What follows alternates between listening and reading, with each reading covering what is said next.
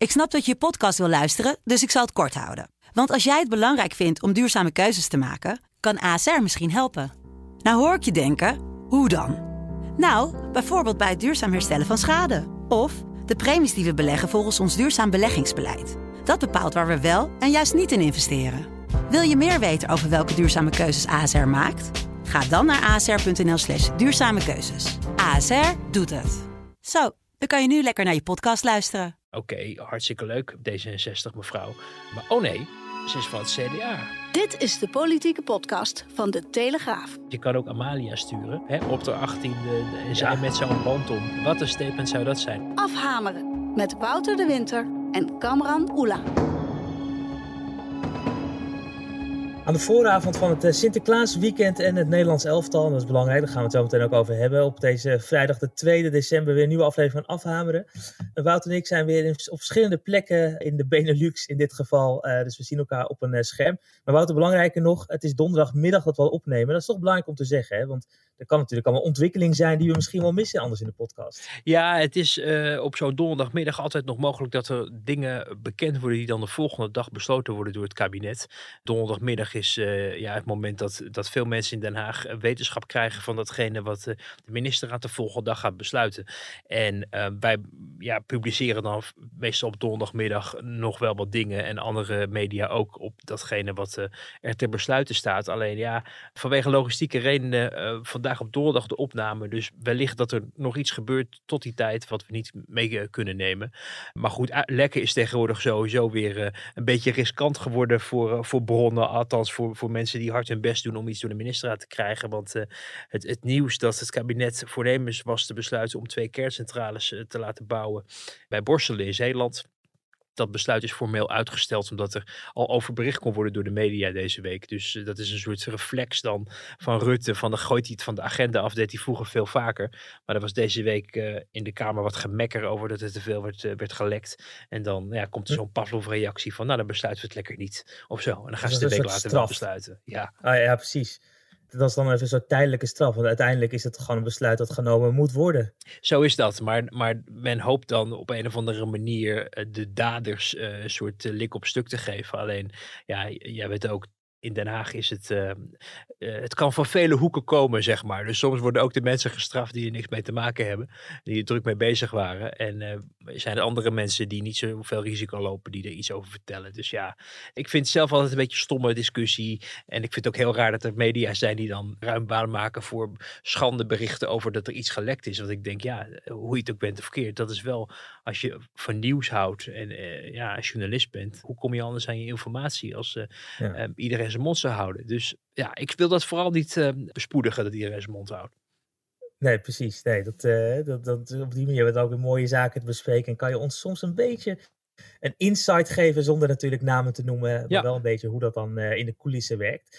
Ander onderwerp wat ook zomaar uh, op deze donderdagmiddag, misschien nog tijdens onze opname, donderdagavond of vrijdagochtend bekend zou kunnen worden, is of er nog iemand op zaterdag naar Nederlands elftal gaat. Dus laten we het ook over het WK gaan hebben. Laten we het eerst misschien maar even terug naar uh, het afgelopen week. Er is natuurlijk heel veel gedoe over wie zou er nou gaan. Uiteindelijk bij dit Connie Helder. Hoe zou ze gaan? Met welk toestel? Nou, het mocht met het regeringstoestel. hebben we het hier ook over gehad. Het mocht van uh, Sigrid Kaag. Maar uiteindelijk is er nog veel meer te doen geweest over dat optreden dan. Uh, met dat speldje en de sjaal. Misschien een beetje een afgezaagde vraag, maar hoe heb jij daarnaar gekeken? Nou, het was natuurlijk een fiasco, Cameron. Het was echt een fiasco. En uh, er is best wel veel over te doen geweest vooraf uh, natuurlijk. We hebben daar zelf over bericht. Een heleboel media hebben bericht. En je merkte dat, omdat het zo'n fiasco was geworden, dat men nou, in, in VVD-kring en ook wel in, in coalitiekring, kabinetskring het maar een beetje probeerde te downplayen. Maar daar was natuurlijk geen begin meer aan. Want als je iets wat je zo van verre ziet aankomen, dat daar controverse over kan gaan ontstaan. Waarin je in het kabinet nog tot op de vrijdag voor de uiteindelijke wedstrijd met elkaar aan het bakkeleien bent over wat die boodschap uh, precies zal zijn. Hoe Connie Helder zich moet uiten. Dat er een minister van Onderwijs is die daar schot voor de boeg over geeft op Twitter. Door te zeggen van nou, uh, we moeten blijven actie voeren tegen het feit dat, uh, ook in een land als Qatar, maar natuurlijk op veel meer plekken in de wereld, uh, de mensenrechten er belabberd aan toe zijn, uh, de homorechten er belabberd aan toe zijn. En met die One Love Band, die trouwens meer gaat dan alleen homorechten, maar ook natuurlijk tegen discriminatie, dat je daar een signaal over afgeeft. Daar dan vervolgens in de ministerraad vrijdag ruzie over maakt, kennelijk, uh, zo begrijp ik, dat nou, iedereen maar vooral zijn mond moet houden, want Connie Helder moet het allemaal zelf kunnen uitmaken. En daar dus ook de ruimte voor krijgen en het ook echt helemaal aan de minister over te laten hoe ze zich zal opstellen eh, op welk moment. Hè, want er waren verschillende momenten. Ze heeft met allerlei mensen gesproken, in, uh, ook van de Qatarese uh, regering, maar ook mensenrechtenorganisaties, arbeidsmigrantenorganisatie. en dan zou je dus verwachten dat op een moment suprême, als zij de tribune oploopt, te midden van twee Qatari, twee Qatarese hoogwaardigheidsbekleders die ongeveer gelijktijdig een eigen armband omdoen om solidariteit met de Palestijnen te betuigen. En, zij, en, en dat ook op een manier doen waarom de een die rechts van haar zit het aan zijn linkerarm doet en degene die links van haar zit aan de rechterarm. Zodat als je op haar inzoomt aan beide kanten die band ziet, dan heb je je wel erg door de benen laten spelen. Zoals Roord van der Roer, de diplomatiedeskundige, deze week ook bij ons in de krant zei. Als je dan zelf je speldje uh, natuurlijk uh, opplakt, verstopt achter een sjaal waar ook nog eens op staat Nevermind. Het is werkelijk met geen pen te beschrijven hoe zoiets zo knullig kan worden uitgevoerd. En dat er ook niemand, niet nog de minister, maar ook uh, haar entourage, waarvan wordt gefluisterd dat dat nou niet echt de ambtenaren waren die politiek de meest uh, gevoelige mensen zijn en dingen kunnen aanvoelen. Maar ook een woordvoerder die dan ook ziet dat de minister de tribune oploopt en kennelijk ook niet denkt dat nevermind zo'n sjaal, dat dat misschien niet het juiste statement is. Dus er wordt aan alle kanten is er eigenlijk gefaald. En dan ben je toch de laughing matter van die avond. Uh, mensen hebben in Den Haag ook, ook echt ook in het kabinet, ook echt gezegd dat we voor joker stonden eigenlijk. Niet zozeer ten opzichte van de Qatari, want hoe cares voor die 500.000 mensen daar. Maar meer dat mhm. je als Nederlands altijd zo'n grote broek aantrekt en de mond vol hebt van kijk ons eens uh, voor onze principes staan. En als het erop aankomt, zo ja, rommelig en laf misschien ook wel je uit na afloop, uh, of zo, of maar na afloop uh, werd, werden natuurlijk allemaal sportjournalisten, want die zijn daar, die zijn er eigenlijk primair voor het WK natuurlijk, en, en die vangen dan ook zo'n minister op. Maar er was ook uh, ene Pim CD, die ook wel wat in het Haagse af te doet, ook wel eens iets met een podcast doet. En die, uh, die ging ook even op de minister af. Ja, de Nevermind op de sjaal weet ik ook sinds vanavond dat dat erop stond. Want ik had hem uitgekozen voor de kleur, maar niet gezien dat dat erop stond. Ook niet handig, hè? Nou, dat weet ik niet. Ik had hem gewoon nodig. Uh, ja, ik ben 64 om het uh, een beetje aan te kleden, zal ik maar zeggen. En met zo'n uh, met zo'n oranje t-shirt. Ik wist dat de reactie hier kan zijn dat de Palestijnse band wordt gedragen. Dus het verraste mij niet. Ja, het verraste er niet. En ze wist dat het allemaal ging gebeuren. Maar ze slaagden er toch in om toch een heel, heel Nederland in ieder geval te verbazen met de manier waarop ze dat had gedaan ja, iemand uh, zei mij, uh, die op zich haar wel goed gezind is, nog vandaag, uh, dat Connie Helder niet het, het scherpste mes in de lade is qua politiek gevoel. Maar ja, ik vind wel, je speelt in de eredivisie als je minister bent. Uh, je mag daarbij ook wel iets verwachten. En zeker omdat zij ook, begrijp ik, in de ministerraad en ook daarvoor, hè, rond al die filmpjes die gemaakt werden, bijvoorbeeld door Jair en, en wat gaat u doen? En dat ze dan min of meer uitstralen van nou, laat het maar aan mij over. We hebben allemaal zo'n band gekregen. Ik begrijp dat ze zelfs in haar tas ook nog zo'n One Love band had meegenomen. Ja, dat het toch wel heel merkwaardig is dat je als het erop aankomt het zo uit de klauwen laat lopen. Overigens, niet alleen maar een verantwoordelijkheid van de, de, minister voor sport. Want als je bijvoorbeeld de brief leest die er door minister Hoekstra uh, is uh, verstuurd. toen het besluit bekend was gemaakt over wie, dat er Nederland een delegatie zou sturen die kant op. Uh, stond er een hele opsomming van allerlei dingen ter argumentatie van waarom we iemand stuurden die helemaal niets met sport te maken hadden. Maar die bijvoorbeeld te maken hadden met de arbeidsrechtelijke omstandigheden daar. Met het feit dat de geopolitieke situatie in de wereld dusdanig veranderd was. Waardoor vergeleken met het moment dat de Kamer zei we moeten niemand die kant op sturen. Er toch wel reden is om daar toch aan tegemoet te komen. En er ook in het kabinet door verschillende bewindspersonen, waaronder ook die van D66, wel is vastgesteld we moeten daar iemand naartoe sturen. Ook Sigrid Kaag heeft dat aangegeven in het overleg met de vice-MP En de MP's voorafgaand aan de ministerraad, toen dat besluit uh, formeel werd genomen, dat ook Kaag zei van, dat het belangrijk was om daar iemand naartoe te sturen. Dat we niet moeten vergeten dat, toen was zij zelf minister van Buitenlandse Zaken, de Qatari Nederland heel erg geholpen hebben om mensen die in Afghanistan vastzaten naar Nederland te halen. Dus dat we de Qatari wat dat betreft ook wel wat verschuldigd zijn. In ieder geval een ereschuld hebben en, en onze dankbaarheid kunnen betuigen dat zij als een soort intermediair hebben gefungeerd om onze mensen terug te halen. Dus ook Kaag bewust de fractie getrotseerd heeft van D66, die eh, allemaal vond dat het allemaal niet nodig was. En dus ook haar nek uitsteekt eigenlijk, ook voor haar kabinetscollega Connie Helder, van oké, we laten het bij haar en zij komt dan met een fatsoenlijke representatie van ons land. En achteraf is dat dus uh, geen succes gebleken. Dus wat gebeurt er dan? dan? Dan wordt er dus vrijdag in de ministerraad gesproken over de volgende wedstrijd tegen de Verenigde Staten. Als mensen dit horen, hebben ze misschien de wedstrijd, uh, is die nog niet geweest. Maar daar is natuurlijk weer opnieuw, uh, ligt dan voor, ga bij iemand sturen. En zo ja, wie dan? Mag ik nog één vraag toch nog even stellen over, over, over Helder ook nog? Toch nog even één stapje terug. Want je zei net al, de geopolitieke situatie ook. Dat heeft op de ook te maken met een, uh, kan je wel geen gasdeal sluiten bijvoorbeeld met, ja. uh, met de Qatari, zeg je geloof ik. Ja, ja. De Duitsers, de Duitse minister die daar ook gewoon pontificaal met die band om ging zitten, die kwam terug met een gasdeal. Ja. En minister Helder niet. Nee. Toen ik dat bericht las van onze collega Peter Winterman, dacht ik ook, was dat dan de verwachting dat mevrouw Helder de minister zou zijn die daar misschien wel een deal zou kunnen sluiten? Nou, dat, dat, dat laat zich op dit moment nog niet helemaal verklaren. Wat wel duidelijk was, is dat zij een vol programma had en vooraf. Daarom was het voor ons ook moeilijk te controleren. Van wat gaat ze daar nou precies doen? Omdat vooraf alleen is verteld, ze gaat met de Qatarese autoriteiten spreken. En niemand wilde ons vooraf vertellen wie dat dan waren. Waardoor het ook moeilijker is om achteraf af te rekenen. Omdat je niet weet wat het verwachtingspatroon was. Wellicht stond er in de boeken ook wel een ontmoeting met de emir de opperbaas van het, van het stel uh, in de boeken. We zullen het nooit weten, want het werd vooraf niet uh, verteld. Het zou protocolair wel een beetje vreemd zijn misschien om met het staatshoofd te spreken als je minister voor sport bent. Maar Allah, we kwamen er dus achter dat ze op de, de ochtend na de wedstrijd dus nog een gesprek had over gas. Wat natuurlijk wel heel wonderlijk is en waardoor je je ook kan afvragen van oké, als je de mensenrechten situatie laat bespreken door eh, Connie Helder. Hè, dan ging het over de arbeidsmigranten, de vertegenwoordigers daarvan, de minister van Sociale Zaken.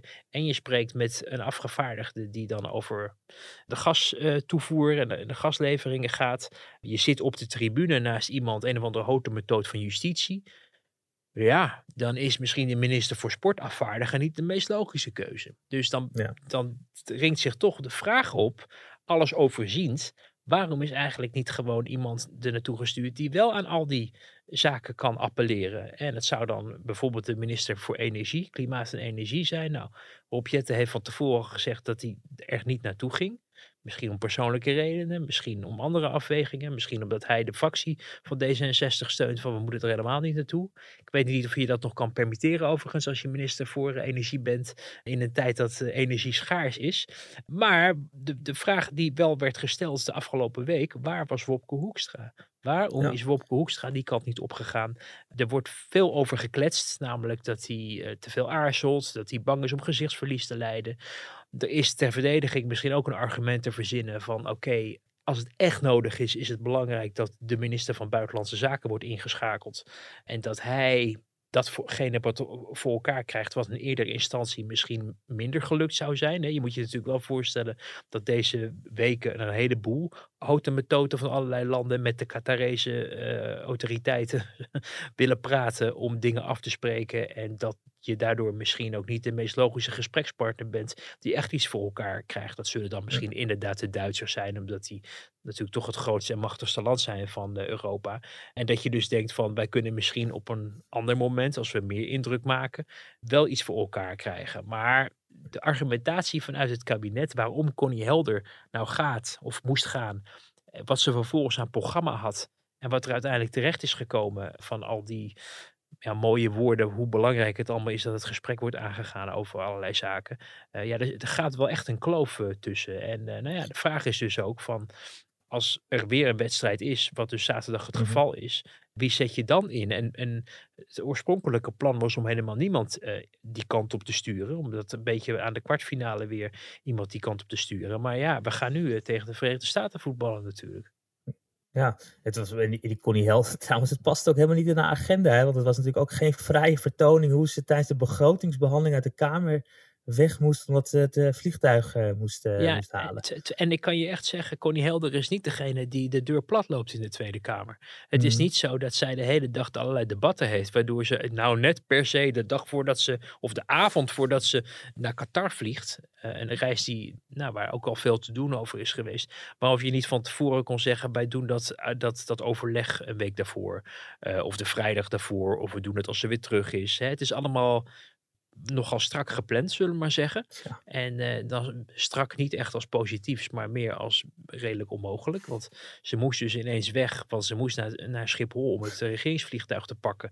Vier uur te slapen, daar aan te komen en gelijk aan het werk te gaan. Dus dat was natuurlijk ook de night from hell voor haar. Dat je wel denkt van ja, ook, ook zo'n ministerie dat allemaal maar organiseert. En ook die ook in overleg kan treden met die Kamer van eh, moet je dit nou allemaal doen op zo'n strak schema of niet? En dat leidde dus ook tot irritatie in de Kamer, waarbij er natuurlijk ook Kamerleden zijn die politiek gewin uit proberen te halen. Want er waren Kamerleden die zeiden, we moeten sowieso natuurlijk niet die kant op. Hè. Dat was zelfs een Kamermeerderheid voor, uh, wat is het, anderhalf jaar geleden. Dus die zagen hun kans schoon om haar alvast politiek wat aan te wrijven. Maar ik heb begrepen dat er ook wel in de coalitie irritatie was over het feit dat ze het toch allemaal erg onhandig aanpakten. Dit gaat ook heel erg over tone of voice. Hè? Als jij je in het politieke met je comfortabel voelt. Uh, en je moet die Kamerleden waarvan je weet dat ze uh, zo een heleboel te klagen gaan hebben. Misschien ook met enige souplesse, gevoel voor humor. Misschien met wat voorwerk door wat gesprekken aan te gaan met kritische Kamerleden voordat het debat begint. Om de boel een beetje te masseren. En dan merk je dat politiek een vak is. En dat is niet voor iedereen uh, weggelegd. En bij Connie Helder zie je nu toch wel dat het allemaal erg moeizaam gaat. Niet dat ze op wankelen staat of zo, maar het, het is toch een beetje een vreemde eend in de bijt. En ze lijkt zich in die bijt ook niet echt thuis te voelen. Nu heb je al met twee keer de kans gegeven om een mooie brug te maken naar die wedstrijd van Amerika. En elke keer stel ik een andere vraag. Uh, laat ik dan toch nu uh, wel daar naartoe gaan. Want uh, we hebben het natuurlijk steeds over Qatar, maar we spelen dus tegen de VS. Ehm, maar vanuit diplomatie gedacht, stel dat de VS wel iemand stuurt van enige naam en kaliber en, en positie. Hè. Het gerucht ging dat misschien wel zelfs de vice-president richting Qatar zou afreizen. Ja, Willen we eh, dan wel thuis blijven? Over, over dat soort dingen, ja, over dit, dat soort dingen worden, eh, denk ik ook aan de Amerikaanse zijde niet snel mededelingen gedaan vanwege de, de veiligheidsrisico's die er kleven aan de echte grote uh, dames en heren uit de VS. Maar uh, nou ja, er werd in Den Haag wel rekening mee gehouden dat Kamala Harris uh, die kant op zou gaan. Wel ik me ook kan voorstellen dat het bijvoorbeeld uh, de First Lady wordt. Biden schijnt op dit moment nog niet echt uh, een serieuze optie te zijn. Maar nou ja, we vingen in het geruchtencircuit op dat je er rekening mee kan houden dat er een, een houten deze kant op komt. En dan zit je dus, ook als Nederland, sta je natuurlijk nog een keer voor joker. Als je dus de kans krijgt om op de tribune het gesprek aan te gaan met toch de, de, misschien wel de machtigste vrouw eh, op aarde, de vicepresident, in ieder geval in potentie ook eh, de uiteindelijke machtigste persoon op aarde kan worden als uh, nou, de president zijn werk niet meer kan doen. En dat je dan zegt, ja, maar wij waren nog zo druk met, met overleggen wie er een speltje om zou doen. Dus weet je wat, we stellen de besluitvorming wel uit tot de kwartfinale als we daar nog in zitten. Dat je natuurlijk ook voor joker. En je moet die kans natuurlijk wel aangrijpen. En dus werd er in het Haagse de afgelopen dagen rekening mee gehouden dat als, als Amerika een kanon stuurt, uh, zullen we maar zeggen, dat dan uiteindelijk toch de minister van Buitenlandse Zaken die kant op gaat. Want je kan het nog een stapje hoger zoeken, dan is het de premier of een vicepremier, maar men denkt dan toch aan de premier. Dat is misschien logisch voor de kwartfinale en voor een halve finale of een finale, zij de majesteit uh, de, koning. Maar er is dus nog een tussenstap en we merkten de afgelopen dagen ook naar herhaaldelijk aandringen, ook bij buitenlandse zaken, van goh, gaat Wopke Hoekstra dan niet die kant op. En dat werd achter de schermen toch wel heel erg gedownplayed, dat het niet waarschijnlijk was. Toen dacht ik nog, nou ja, je kan minister Schrijnemacher van Buitenlandse Handel en Ontwikkelingssamenwerking misschien ook nog die kant op sturen, als een soort vervangminister. Maar ja, het, het is wel een vertoning natuurlijk, als het, als het uiteindelijk daar weer op aankomt. Terwijl we toch een aantal mensen hebben in de regering die, nou ja, prominent zijn en, en gewicht dragen. En die allemaal kennelijk maar niet naar Qatar willen afreizen. En uh, bij die, uh, wat ik zat ook nog denken, tijdens de kwartfinale zou natuurlijk ook weer Nederland-Argentinië kunnen worden. En dat is natuurlijk ergens ook een heel mooie wedstrijd voor het, voor het koningspaar. ja, ja dat, dat is waar. Dan, uh, ik, we hebben nog even in, in het archief gezocht van hoe ging het bij vorige visites. En we hebben, kwamen iets tegen dat koning en koningin al in vrij vroeg stadium zijn gegaan. Op een gegeven moment naar een poolwedstrijd, ik geloof tegen Australië. 20 zoveel. 2014. Ja, dat weet je natuurlijk uit je hoofd. ik niet. En later, uh, halve finale, uh, was een beetje een logisch moment. Uh, dus ze schipperen daar zelf ook een beetje over. Maar ik heb even navraag gedaan in Koninklijke Kring ook deze week. En in ieder geval voor aanstaande zaterdag werd nog geen royalty verwacht. Ik dacht, je kan ook Amalia sturen. Hè, op de achttiende en, en, en zij met zo'n band om. Wat een statement zou dat zijn. Hè? Wat een statement zou dat zijn. Maar daar hoefde ik niet op te rekenen, begreep ik. Nee. Nou, laten we, laten we dan maar nou over Wopke Hoekstra hebben. Want mogelijk dat uh, Wopke Hoekstra dan toch uh, richting uh, Qatar gaat. Ik, ik, ben benieuwd hoe Wopke Hoekstra dinsdagavond of woensdagochtend jouw column tot zich heeft genomen. Want jij hebt deze week in jouw wekelijkse column op het CDA gericht. Althans, een, een, die column ging over wat er met die partij aan de hand is en wat, wat jij zo her en der hoort. En ja, de Engelse term beyond repair, ja. Uh, reddeloos verloren, is dat, is dat Nederlands geloof ja, dat, die, die, die vertaling heb ik zelf eh, ervan gemaakt. Uh, voor wie de column niet tot zich heeft genomen, zijn af en toe in, in Den Haag bij politieke partijen die laten onderzoek doen naar hoe het met de partij gaat, wat hun kiezers belangrijk vinden en ook wat andere partijen goed of niet goed doen. En dan krijgen mensen uh, achter de schermen dus een beeld van. Dat zijn eigenlijk opinieonderzoeken of zo'n een vandaag opiniepanel, wat, wat natuurlijk in het publiek gebeurt. Maar partijen kunnen ook zelf een bureau inschakelen en zich laten bijpraten door de Peter Cannes en de Maries de Honde,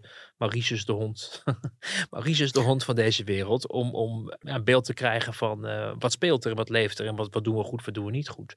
Over dat soort onderzoeken wordt, wordt zelden eigenlijk uh, openbaarheid gegeven, omdat men daarmee zich ook in de kaarten laat kijken natuurlijk. Hè? Omdat je dan weet dat een andere partij uh, weet dat jij iets doet, omdat je weet dat het goed ligt of dat je zwakte probeert af te schermen. Dus daar praat men het liefst zo min mogelijk over. Maar iemand liet zich de voorbije weken uh, aan mij ontvallen dat uh, uit onderzoek was gebleken dat bij het CDA, het was dus niet het CDA zelf, maar een andere partij, dat het CDA als beyond repair werd uh, gekwalificeerd. Oftewel, daar is zoveel misgegaan, ja, dat het gewoon niet meer goed gaat komen. Een sentiment wat ik overigens door een prominent coalitiepoliticus eigenlijk al vlak na de verkiezingen uitgesproken uh, hoorde worden. Echt zo van, ze zijn, ze zijn echt klaar, want dit komt niet meer goed. Het is daarna niet veel beter gegaan natuurlijk hè, in de peilingen. En dat merk je ook wel. En je merkt ook, zeker als je dan zo'n column hebt geschreven over het CDA, dat uh, mensen zich ook bij jou melden om het aan te vullen. Omdat ze ineens zien van, oh, maar heb je, heb je dit nog wel gehoord? Of heb je dat nog wel gezien? Of weet je wel dat het nog veel erger is? Uh, nou, dat zijn altijd van die momenten dat je denkt, waarom wist ik dat er niet voor dat ik de column schreef? Maar ik werd buitengewoon, um, nou ja, ik wil niet zeggen verrast, maar uh, het viel mij echt op dat vooral CDA'ers zich uh, echt grote zorgen maken over de manier waarop het met de partij gaat. Dat de partijleider een ministerschap heeft gekozen waardoor hij toch onvoldoende zichtbaar is en eigenlijk veel te laat in actie komt op het moment dat het er echt om gaat. We hebben natuurlijk dat interview over stikstof gezien, wat hij in augustus heeft uitgesproken. Mm. Maar de tent stond natuurlijk al maanden in lichte laaien. Er is ook echt veel druk geweest, begrijp ik, ook vanuit de fractie om, om hem iets te laten doen. Omdat men het gewoon dacht van ja, dit, dit loopt helemaal van de rails. Dit is inderdaad het scenario beyond repair aan het worden. Dus er is veel druk op hem uitgevoerd. Nou, hij heeft toen het interview gegeven, veel uh, gesodemieten mee gehad vervolgens. Maar daarna is het eigenlijk ook redelijk stil geworden weer. En zie je nog steeds niet echt de afgelopen maanden, sinds augustus, van waar staat het CDA nou voor? Dat ligt natuurlijk voor een belangrijk deel uh, beslagen in de fractie. Hè. De fractie moet het CDA-geluid laten horen. Pieter Heerma doet veel en goed werk achter de schermen, begrijp ik. Maar hij slaagt er ook nog niet echt in om dan echt het CDA, wat we kennen van die enorme verkiezingsoverwinningen uh, van, van Lubbers en van Balkenende, weer terug te brengen. Er is natuurlijk ook een verantwoordelijkheid bij de bewindspersonen.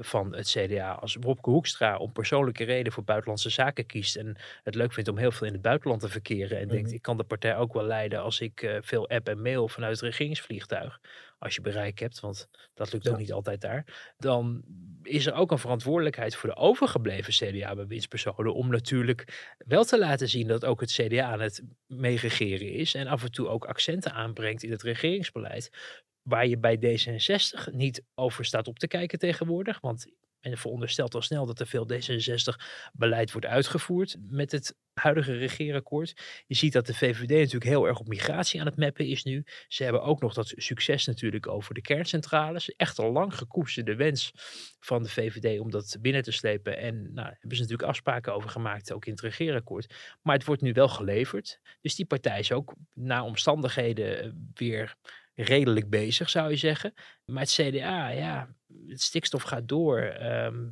we horen er niet meer veel over. Dat is misschien rust, waar men zo naar op zoek is. Maar die bewindspersonen, daar hoor je eigenlijk nog minder over. En als je er wat van hoort, dan is het op een manier waarop je denkt, is dat een CDA-bewindspersoon? Zoals... Ja, we noemden, in je column noemde je uh, minister van Gennep, die een soort woke-agenda af en toe lijkt uh, voeren. Hè? Want je, ja. gaf daar voorbeelden van dingen die zij roept. Ja, nou ga even los van het feit dat ze zeer impopulair is in haar eigen partij, uh, op haar hmm. ministerie en in de coalitie.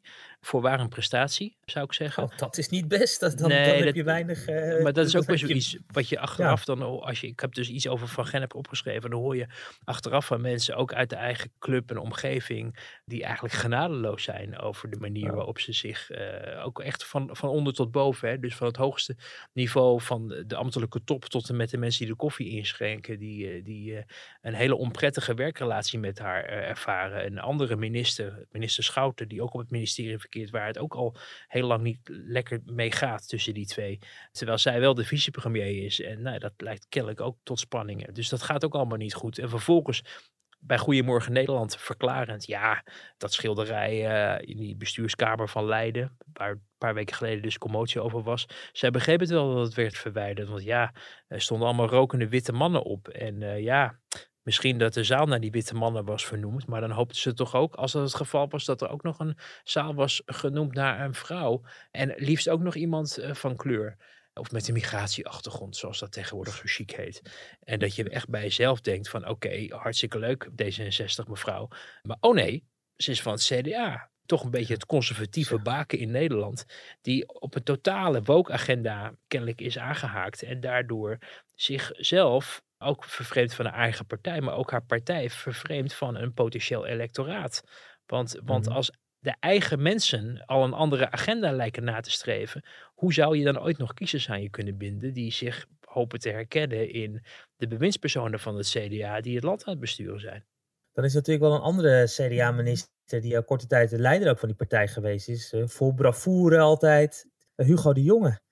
Hoe staat, daar schreef je in je column ook al iets over, maar wat, wat voor reacties krijg je daarover? Want dat is natuurlijk wel iemand die, die, nou, die werd gekozen tot partijleider. Uiteindelijk corona, allerlei zaken waardoor het eh, anders is gelopen. De, waardoor Wopke Hoekstra toch uiteindelijk uh, de leider van die partij is geworden. Ja, je, je merkte ook wel even de afgelopen weken dat er in Den Haag door mensen die aangehaakt waren op het, uh, op het onderwerp of gewoon, ja, of ze nou wel of niet in de partij zaten. er werd toch wel een beetje over gespeculeerd van oké, het gaat nu niet goed. Het gaat waarschijnlijk in maart ook niet goed met de statenverkiezingen. Wat is onze fallback option? Hè, waar kunnen wij mocht Hoekstra zelf geen zin meer in hebben, of mocht er misschien onrust in de partij uh, ontstaan op het moment dat, dat het resultaat heel erg tegenvalt, waar kijken we dan naar die de kar kan mhm. trekken? En dan werd er toch wel voorzichtigjes ook weer naar Hugo de Jonge gekeken. Iemand die onmiskenbaar, uh, ik heb hem in mijn column een ras-echte CDA genoemd de man gooit er een kwartje in en hij, hij ratelt je ongeveer de hele toekomst van Nederland voor de komende twintig jaar. Schudt hij gewoon uit zijn mouw. Hè?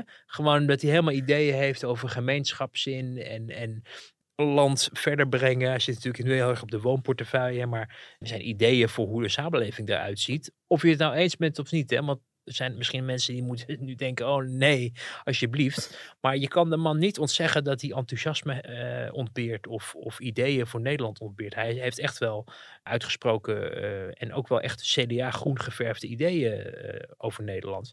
Dus daar werd ook wel een beetje over gespeculeerd. En er waren ook regelmatig vragen gesteld, ook richting verschillende CDA intimie, zullen we maar zeggen, de boezem van het CDA. Van goh, verwacht je dat Hugo de Jong nog eens terugkomt? En nou, toen werd wel beaamd dat de man inderdaad bruist van energie rond die woonagenda overigens wel weer allerlei verwachtingen kweekt waarvan je afvraagt, kan hij die waarmaken? Waar hebben we dat 100.000 woningen elk jaar erbij. you get a house, you get a house. ja, nee, maar dat dat, dus, dat dat ook weer op dezelfde manier gaat. Uh, dat het toch de aard van het beestje is dat uh, overpromise en underdeliver doet. En dat het ook een, ja, wat dat betreft, uh, disaster waiting to happen is op een moment dat, je, hmm. dat duidelijk wordt dat je niet kan leveren waar je naar aan het streven was. Maar goed, dat is zijn bestuurstijl. Maar wat op de achtergrond speelt, is nog steeds die coronacrisis. En we zagen toevallig, uh, de Volkskrant donderdag weer een verhaal over de appjes, de zoveelste eh, episode van de appjes met Siebert. Waarbij ik toch wel steeds denk van, ja, die Siewert en dan zegt dat hij geen gesprek gaat opnemen en het dan toch stiekem doet. Eigenlijk iedereen die in een verhaal met Siewert wordt genoemd, komt er eigenlijk altijd beter uit dan Siewert. dat geldt ook over Hugo de Jonge. Maar het was wel weer dat je zag van er is weer commotie. Oh ja, Hugo de Jonge heeft het verleden met die mondkapjesdeal, de coronacrisis. Er zijn veel dingen naar omstandigheden redelijk gegaan, maar ook een heleboel dingen niet goed gegaan. Daar wordt verantwoording binnenkort over afgelegd in een parlementaire enquête naar de coronacrisis. Dan staat hij onder Ede. Dan gaat hij waarschijnlijk ook, dat hebben we in een podcast eerder ook besproken, heel duidelijk aangeven waar hij vindt dat hem onrecht wordt aangepraat. Hè, waar een heleboel mensen hem de schuld van iets geven. Terwijl de werkelijkheid toch eentje was die misschien wat genuanceerder lag. Heeft hij tot nu toe steeds niet willen doen vanwege de, nou ja, het feit dat, dat hij op dit moment er niet meer over gaat. Maar ook destijds nog volop bezig was met de brand te blussen. Maar daar wordt, komt natuurlijk een moment dat alles op tafel uh, ligt. Dan zal ook Hugo de Jonge een boekje open doen. Nou, dat zal in die, in die corona-parlementaire enquête gaan gebeuren. En dat betekent dat zijn persoon weer in de schijnwerpers komt. Dat daar weer allerlei kranten over volstaan. Dat er televisieuitzendingen mee worden gevuld. Dat we dingen zullen horen die we op dit moment misschien nog niet weten. En nou ja, uiteindelijk ook politieke consequenties kunnen hebben. Op wat voor manier dan ook. Kortom, allemaal controverse. Die zal afleiden van het feit dat het CDA een partij is die in crisis verkeert, probeert op te krabbelen, zo goed en zo kwaad als het gaat. Heel erg veel van de eigen agenda heeft moeten opgeven. En helemaal geen commotie kan gebruiken. Nu, nu niet, maar ook straks niet. En daar is men eh, toch ook wel in de hoge gelederen van eh, het CDA wel echt bang voor. Van op het moment dat je weer kiest voor iemand met een verleden, die met zijn vingers nog tussen de deur zit van wat er in het verleden is misgegaan, in dit geval rond corona, dan, dan krabbelen wij niet op. Dus de kans werd dan ook gelijk weer heel erg klein ingeschat dat men uiteindelijk bij Hugo de Jonge zou uitkomen. En ondertussen is de concurrentie natuurlijk moordend, hè, met uh, nou, Omtzigt die uit het CDA uh, komt.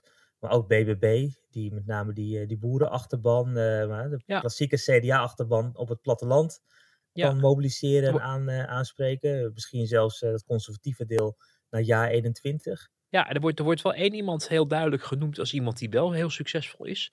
Misschien vooral achter de schermen of voor de fijnproever. Dat is de staatssecretaris mm. van Financiën. Marnix van Rij, de voormalige interim partijvoorzitter, die na het opstappen van voorzitter eh, Rutger Ploem de honneurs eh, waar moest nemen en die partij zo goed en zo kwaad als het ging toch heeft proberen te besturen. Daar lof heeft over gekregen vanuit zijn partij, maar ook wel vanuit de buitenwereld. Als je met andere partijen sprak, had iedereen wel respect voor de manier waarop hij dat wist te managen. En ook in een partij die redelijk verdeeld was, natuurlijk ook vanwege de breuk met, met Pieter Omzicht. Maar iedereen kon eigenlijk wel goed goed met Marnix van Rij. En dat hij nu ook in, in het kabinet een hele belangrijke functie vervult. Natuurlijk als staatssecretaris van Financiën. Min of meer natuurlijk ook een beetje als spion op het ministerie van Financiën. Waar Sigrid Kaag natuurlijk nu de vicepremier, maar ook de minister is. Uh, maar een hele goede band onderhoudt met, met uh, Sigrid Kaag. Wat ook niet iedereen gegeven is in Den Haag. En daardoor dus eigenlijk wel laat zien van ja, dit is wel een CDA die weet hoe het moet, waarvan niemand aan twijfelt uh, dat hij een CDA is. En brengt zichzelf tot nu toe ook niet in problemen met onhandige uitspraken of, of schoenen of wat dan ook. Het gaat eigenlijk daar nooit over. Hij doet dat eigenlijk heel erg naar behoren. Dus daar wordt hoog van opgegeven. Wel, eh, wel, uh, maar zou hij ook een partij kunnen leiden? Want het is natuurlijk wel hè, een partijvoorzitter, dat heeft hij ook gedaan. Maar dat is natuurlijk de leden. Ja. Maar ook echt een gezicht zijn, uh, kiezers uh, voor je winnen? Ja, dat zou je misschien op het eerste gezicht niet denken. Hoewel ik hem wel een ras-echte CDA'er vind. hij, hij ademt die partij echt. Hij, hij, spreekt die partij ook echt. Als je met hem spreekt, dan hoor je... Oh, ja, dat is een beetje raar misschien om te zeggen. Maar je hoort een beetje de... de zoals je de CDA's van vroeger ook gewend was. Hè, de Donners en de Balkenendes en de, en de Lubbers van deze wereld. ik zal niet Jaap de Hoop Scheffer uh, noemen, want daar heeft hij geloof ik wel weer verleden mee uh, destijds. Maar wel echt iemand die, waar niemand aan hoeft te twijfelen dat hij verstand van zaken heeft. Alleen ja, tegenwoordig een, een lijsttrekker moet iemand zijn die in een televisiedebat met geestige quotes gaat komen. En uh, nou ja, zich niet al te veel moet laten gek maken door de concurrentie. Ik weet niet of hij daar de meest geschikte persoon voor is. Maar ik wil dus, ik noem al Misschien heeft de politiek. Sorry, ja, misschien heeft die politiek ook wel die authenticiteit nodig. Nou? Ja. juist, ja. weet je, dat, het, je, oude staatsmangevoel. Je kan wat dat betreft kan je nooit in, in, deze omstandigheden, in deze politiek dingen uitsluiten. Hè. we zagen bij de vorige verkiezingen natuurlijk dat de behoefte of de belofte van nieuw leiderschap en vrouwelijk leiderschap ook een hele nadrukkelijke plek kreeg uh, tijdens de verkiezingen. Het heeft uh, D66 een winst van vijf zetels opgeleverd. Geen landslide, maar veel beter dan waar ze om gerekend hadden. Achteraf bleek het nieuwe leiderschap, zoals we uh, onlangs ook nog bespraken, niet heel erg veel voor te stellen. Maar goed, een verkiezingsslogan is een verkiezingsslogan. Het is dus heel moeilijk in te schatten waar op een moment dat er verkiezingen zijn, behoefte aan is. En we hebben natuurlijk met Rutte gezien dat hij één keer heel erg veel geluk heeft gehad met het conflict met de Turken. Hè? Dat hij als staatsman kon opereren om toen de Turkse minister hier de boel op stelte kwam zetten. En het, land toch de rijen sloot. Zelfs Jesse Klaver van GroenLinks hoorde ik toen wel beamen dat Rutte het goed had gedaan. En dat leverde hem uh, onmiskenbaar de verkiezingswinst op. De laatste verkiezingen zaten natuurlijk in de coronacrisis. Mensen wilden geen experimenten. VVD stond er voor de coronacrisis helemaal niet goed voor. De coronacrisis bracht mensen toch in onzekere tijden dichter bij het leiderschap. Want iemand moet het toch maar doen. En mensen kijken toch dan naar het centrale landsbestuur voor, voor guidance. Nou, dat, dat heeft hem ook geen windeieren gelegd richting de verkiezingen die ruim heeft gewonnen. Zelfs nog met een zetel winst ten opzichte van de vorige. Maar elke verkiezingen kunnen een andere dynamiek krijgen. Anti-establishment, maar ook vrouwelijk leiderschap. Het kan ook zijn geen gedoe in de tent. Degelijkheid, nou ja, dan zou uh, dat wel kunnen. Maar goed, vooralsnog, als je met CDA's spreekt, dan kijken ze meer naar iemand in de fractie die uh, het dan zou kunnen doen, dan dat ze nou onmiddellijk naar de staatssecretaris van Financiën kijken. Nog even los van het, de vraag of hij het zelf zou ambiëren. En nog even los, helemaal los van de vraag of we al afscheid kunnen nemen van Wopke Hoekstra daar wordt in het CDA wel rekening mee gehouden. Maar zelf zegt hij dat hij erin is voor de long run. Dus dat hij zeker nog wel een verkiezing, het Kamerverkiezingen mee wil gaan. Omdat hij ja, een commitment heeft gegeven aan de partij om, uh, om e-, echt de schouders eronder eh, te zetten. En dat het opbouwen van de partij of het wederopbouwen van een partij ook wat langer duurt dan 1, 2 of 3 jaar. Ja. Ja, dat blijft natuurlijk uh, wat dat betreft spannend ook van zelfs CDA, maar ook van PvdA, klassieke grote partijen. Ja, hoe, hoe zullen die in de toekomst eruit gaan zien? Kunnen ze ooit weer eh, partijen worden met 20, 30 plus zetels? Laat staan die 50 plus, wat ze ooit hebben gehad. nou ja, ook dat sluit ik niet helemaal uit.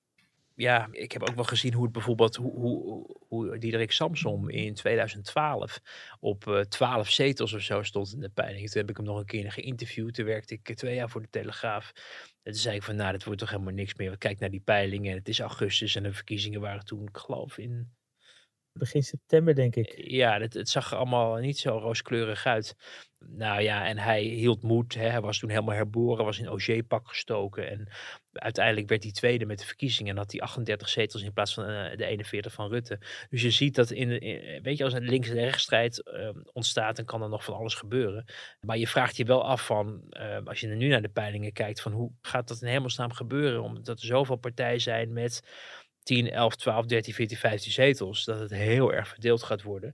En als je kijkt naar de meest recente ontwikkeling, bijvoorbeeld bij de PvdA, as we speak is daar de presentatie van die kandidatenlijst voor de Eerste Kamer met oh GroenLinks. Ja, dat eh. is toch ook een poppenkast. Nou, maar dat is dus precies waar ik, waar ik ook weer gisteravond aan dacht toen dat nieuws via de NOS bekend werd. Hè, dat ze dus ruzie met elkaar hebben nu over de kandidatenlijst, omdat Job Cohen, de commissievoorzitter die die kandidatenlijst zou samenstellen voor de Senaat, dat hij een lijst heeft ingediend waarin Ruud Kolen, de voormalige eh, partijvoorzitter, dan op twee staat. En daar heeft de partijbestuur van de PvdA op ingegrepen. Die heeft Ruud Kolen uh, ja, daar niet op willen hebben. Andere mensen naar boven willen duwen. Daar is dan weer ruzie over. Jeroen Recour, voormalig Tweede Kamerlid. Toch wat meer de jongere generatie die dan op die tweede plek terecht zou zijn gekomen. En het eerste wat ik dacht was, oh, PvdA will be PvdA. Het is echt met geen pen te beschrijven. Dan lig je op de grond als partij. Weet je dat het allemaal verschrikkelijk is en dat het partijleiderschap eigenlijk non-existent is. Dat er schandalen zijn, het Ariep eruit is gegooid, Lodewijk Asscher is verdwenen. Alleen maar ellende, kommer en kwel, Gijs van Dijk. En waar haalt de PvdA de headline mee? Niet met een mooie verrassende nieuwe lijst of een, eh, eindelijk een soort fusieplan met GroenLinks, want daar wachten we inmiddels ook al eeuwig op. Nee, er is ruzie. En waar is er ruzie? Door iemand die in commissie zat en die heeft iemand op, op, op een plek gezet. Nou ja, ik moet je wel zeggen, ik snap het partijbestuur wel een beetje. Want uh, nou, een goed geïnformeerde PvdA die zei mij ook van ja, Cohen is, uh, is volgens mij bevriend met Ruud Kolen. Dus het is misschien niet zo vreemd dat hij op die plek terecht is gekomen. Maar ik dacht wel bij mezelf van ja, als je ook aan Job Cohen vraagt om een kandidatenlijst samen te stellen, dan krijg je misschien Precies. ook de wat oudere generatie. En niet de mensen die het verschil moeten gaan maken. Maar de mensen die allemaal, net als Cohen, hun schaapjes op het droge politiek gezien mm. hebben. Hè, die, die we allemaal kennen van vroeger. Dus ja, daar word je dan ook niet vrolijk van. Want dan denk je, die, ook die partij is nog steeds niet op de weg naar boven. En dat is wel zorgelijk na al die jaren kommer en kwel.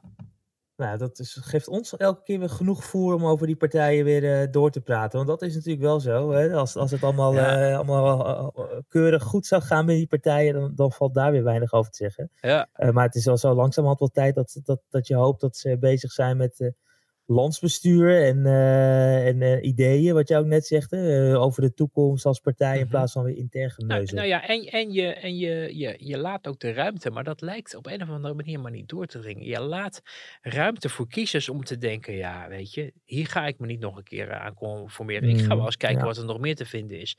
En daardoor krijgen ook nieuwe partijen ook veel meer ruimte. Als, als, als er een partij is die een hele duidelijke agenda heeft, waar mensen een leiderschap zien waar ze op vertrouwen en denken, zeker als ze bijvoorbeeld afscheid willen nemen van de club die er nu zit, denken we gaan die kant op met z'n allen. Zoals je dat in de, heb ik ook al vaker benoemd natuurlijk, in de oppositiejaren in Balkenende, Balkenende 2, VVD, CDA, D66, of eigenlijk CDA, VVD, D66 was dat, was halverwege de jaren nul met een PvdA die zomaar 60 zetels scoorde in de peilingen. Omdat mensen dachten, Wouter Bos, hè, nieuw, fris leiderschap, laten we het maar eens aan hem over. Nou, uiteindelijk zijn die verkiezingen vrij close geworden, maar heeft hij die niet van Balkenende weten te winnen.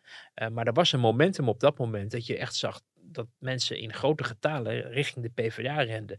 Nou, zo'n situatie, daar is helemaal geen sprake van. En zolang die, die oude klassieke middenpartijen hun zaakjes ook niet op orde krijgen en aan eh, agendavervalsing doen door, door beleid na te streven en te promoten waar we het net over hadden, over Karim van Gennep, waar de, de aloude of potentiële CDA-kiezer zich helemaal niet in herkent, ja, vind je het dan gek dat mensen op Wilders gaan stemmen? Omdat ze het idee hebben van Wilders of FVD of Ja21 of Van Haga, die verzetten zich nog wel uh, op de manier waarop wij dat eigenlijk van ons CDA zouden verwachten. Tegen de mhm. stikstofagenda, tegen de klimaatagenda, tegen de bookagenda, tegen het immigratiebeleid uh, wat er op dit moment gevoerd wordt door het kabinet.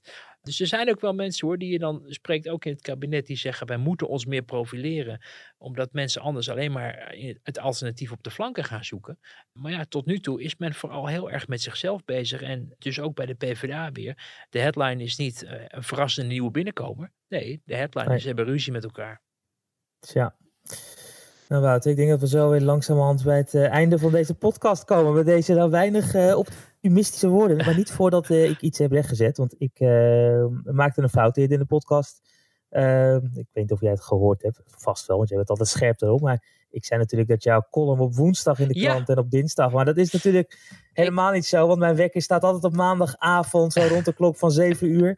Om uh, online te lezen. En dan uh, kan ik het uh, dinsdagochtend in de krant nog eens dunnetjes overdoen. gelukkig. Maar dus jij zit in België nu. Dus ik, ik, ik, ik wijt het aan het tijdsverschil met, met, dat, met de dat, dat is het. Maar, dat maar als jij toch bezig bent, doe ik nog ook nog even eentje in de oh, categorie oh correcties en aanvullingen. Want ik werd vandaag gebeld door Fred Teven. En uh, ik heb vorige week in de podcast gezegd dat hij uh, ook een van de mensen was die zichzelf min of meer had aangeboden om iets te zeggen ter verdediging van de dwangwet. En ja. dat hij daar ook het, het, woord over zou willen voeren bij het congres. Maar hij zei van, uh, hij belde op en zei ja met Fred. En hij zat niet op de bus. Hij, hij zei van ja, je had, ik hoorde van iemand dat je in de podcast. Hij luistert dus niet. Dat, dat schokte mij. Dat deed mij natuurlijk heel erg veel pijn. Maar hij zei: Ik hoorde, ik hoorde dat jij had gezegd dat ik uh, uh, een toespraak wilde geven op het VVD-congres. En dat, dat, dat is niet waar. Hij was gevraagd, zei hij, om naar het VVD-congres te komen. Uh, Dylan Jasilgus, de minister van Justitie, had hem daartoe kennelijk uitgenodigd. maar hij kon niet. En hij had ook niet de behoefte, kennelijk, om het kabinetsbeleid te beapplaudisseren omdat hij zei dat hij een andere lijn had wat dat betreft dan de, de partijtop. En dat hebben we trouwens ook hm. een tijdje geleden bij half acht heeft hij daar gezeten. Toen viel het me inderdaad op dat hij ja, toch een andere toon uh, aansloeg. Dus dat, dat ja, wilde ik even rechtzetten. Want uh, ja, ik hoorde dat uit kringen die doorgaans zeer betrouwbaar zijn. Maar die ken ik zelf ook niet helemaal daar het juiste bij hadden begrepen. Dus Fred was gevraagd om te komen. Heeft zichzelf niet aangeboden. Fred Teven. En uh, dat gezegd hebbende zijn we weer klaar met uh, correcties en aanvullingen voor deze Ja, bij deze rechten Nu hoop ik wel dat die ene persoon die dan voor Fred luistert en dan, dan doorgeeft, uh, door weer geeft dat we het recht hebben gezet. Dat, nou, daar, daar, ga ik wel vanuit, ja. ja. Nou, daarmee zijn we helemaal tot het einde gekomen. U bedankt voor het luisteren. en Wouter, wij zien elkaar volgende week. En dan zitten we gewoon wel echt, als alles goed gaat, live in dezelfde studio tegenover Daar hou ik je aan. Tot volgende week.